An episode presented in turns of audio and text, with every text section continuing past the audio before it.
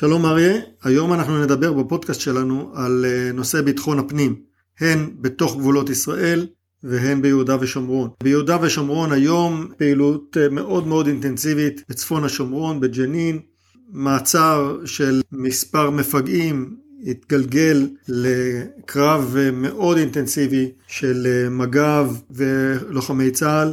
בינתיים נספרים שם שבעה הרוגים, 45 פצועים, כמות עצומה של אה, נפגעים. אה, זה מראה על קרב מאוד מאוד אינטנסיבי באזור הזה, והוא מתלווה לפעולות רצופות מדי לילה ומדי יום של כוחות צה"ל ושל אה, משמר הגבול ושל השב"כ בצפון השומרון בניסיון לעצור את התגלגלות והתכנון של הפיגועים מהאזור הזה הן לאזור יהודה ושומרון והן לתוך גבולות ישראל.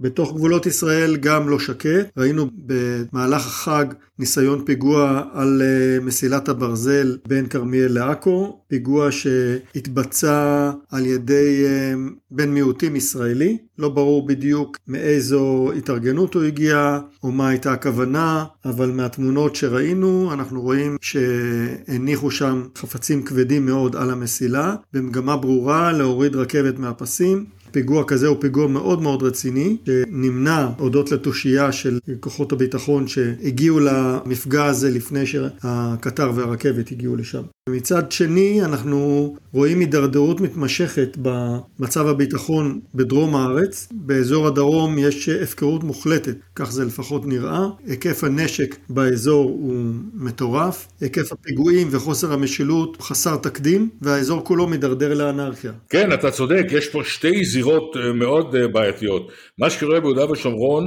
מצד אחד פעילות אה, מאוד מסיבית וממוקדת של כל זרועות הביטחון, עד עכשיו מאוד מוצלחת. אני חושב שבכמה המקרים האלה לא צריך אפילו לסכן חיילים, אלא להפעיל אמצעים אחרים כמו מסוקי קרב. זאת מלחמה, זה לא סתם.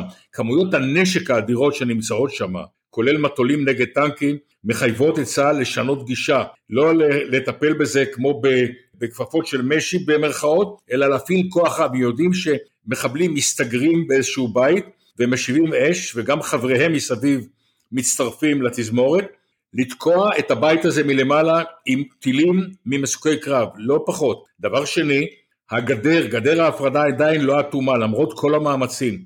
הטמטום הזה של גדר עם מאות חורים, הנושא הזה טופל מעט, אבל עדיין רואים תמונות של פלסטינאים שעוברים מדי יום, מדי לילה לישראל, בלי בקרה, בלי פיקוח, איך אפשר לנהל מלחמה בטרור כאשר גדר הפרדה כזאת אה, מחוררת לגמרי. הזכרת את הניסיון פיגוע על הרכבת, אני ראיתי תמונה של המכשול שהונח על הפסים, זה לא משהו מאולתר, זה מכשול ממתכת שתוכנן בדיוק לשבת על הפס כדי, לה, כדי לגרום לרכבת לרדת מהפסים. זה פרשה חמורה מאוד וצריך לטפל בה, להגיע למבצע, חשוד אחד שוחרר, אני מקווה שהשב"כ יתפוס את מי שאחראי והאיש הזה צריך להיאסר וצריך לפעול גם לכל, נגד כל מי ששיתף איתו פעולה. לגבי החזית הפנימית שלנו בדרום, הכישלון הגדול הוא של השר לביטחון פנים. אמרו לי שהוא היה לוחם בסיירת מטכ"ל, אני נותן לו את כל הקרדיט. בתפקידו הוא נכשל. התפקיד העיקרי שלו היה לדאוג שהממשלה תיתן אמצעים למשטרה כדי לגייס שוטרים בכמות אדירה שתוכל לטפל בהתפרצויות האלימות האלה בדרום.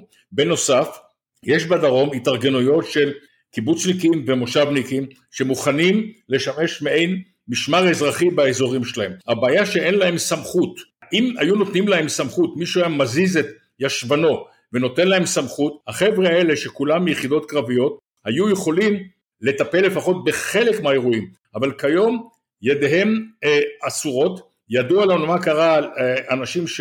ירו על אנשים שהגיעו אליהם, על מחבלים שהגיעו אליהם, גנבים שהגיעו אליהם לרכושם הפרטי, כמה זמן טרטרו אותם במשפטים ובאיומים, לכן המדינה פה נכשלה כישלון חרוץ, בעוד שבגדה צה"ל, השב"כ, אה, משמר הגבול, כל האלה אה, מטפלים בזה וצריך שם לשנות גישה, להעלות הילוך, בדרום זאת הפקרות מוחלטת. אנחנו נמשיך לעדכן אתכם בפודקאסט הבא שלנו, אנחנו עוקבים אחרי הנושא תודה תמיר ולהתראות.